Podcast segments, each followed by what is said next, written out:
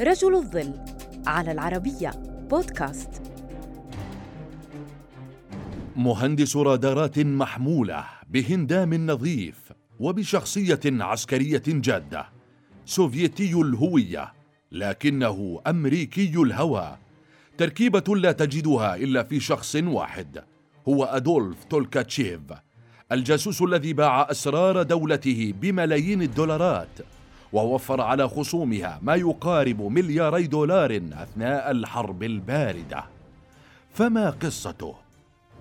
ولد أدولف تولكاتشيف عام 1927 وسماه والده أدولف تيمنا بالزعيم النازي أدولف هتلر الذي كان معجبا به لكنه لم يكن يعلم أن النازيين سيحتلون جمهوريات الاتحاد السوفيتي عام 1940 ما جعله محاطا بكراهية من زملائه في الدراسة.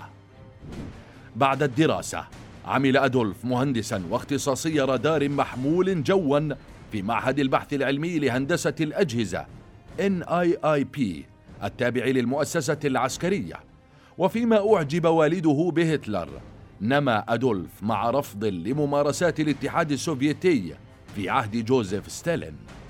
وما عزز هذا الكره معاناة عائلة زوجته مع هذا النظام حيث أعدم النظام والدتها وأرسل والدها إلى معسكرات العمل سيئة الذكر قبل أن يتم تحريره إثر وفاة ستالين لكنه مات قبل عام من زواج أدولف الذي تم في عام 1957 عاش أدولف مع زوجته في شقة وفرتها له الدولة بالقرب من السفارة الأمريكية. ورغم أنه عمل لصالح الدولة إلا أن رغبة النظام السوفيتي جعلته يفكر بالتجسس لصالح الأمريكان فأصبح يمضي الكثير من وقته حول منطقة السفارة حتى صادف سيارة رئيس محطة وكالة المخابرات المركزية وكان ذلك في يناير عام 1977 ليبدأ مهمة تاريخية كبرى جاسوسا للولاية المتحدة.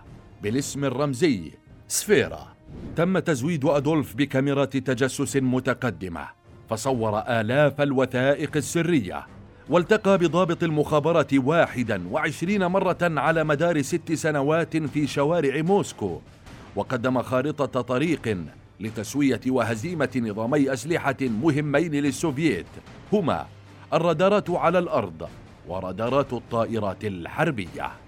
في عام 1980 قدر سلاح الجو الأمريكي أن معلومات أدولف وفرت ملياري دولار من تكاليف البحث والتطوير وحدها وأدى إلى إنهاء أو إعادة توجيه العديد من برامج البحث والتطوير العسكرية ومنح الولايات المتحدة ميزة لا تضاهى في منافسة الحرب الباردة. حولت وكالة المخابرات لحساب أدولف المصرفي أكثر من مليوني دولار أمريكي كما حصل على مبالغ بأكثر من 300 ألف دولار سنويا. فيما كان أجر الرئيس الأمريكي رونالد ريغن 200 ألف دولار في السنة. بقي أدولف من أهم جواسيس الحرب الباردة على مر السنين بين 1979 و 1985 إلا أنه تم كشفه وعرض للمحاكمة هو وزوجته. حيث حكم عليه بالإعدام في الرابع والعشرين من سبتمبر عام 1986 فيما حكم على زوجته بالسجن ثلاث سنوات لمساعدة زوجها. تم الكشف عن أعمال أدولف لاحقا على يد الكاتب الأمريكي ديفيد هوفمان. في كتابه جاسوس المليار دولار The Billion Dollar Spy ليشكل مجموعة من الوثائق السرية لمرحلة مهمة من عمر الحرب الباردة بين المعسكرين الشرقي والغربي.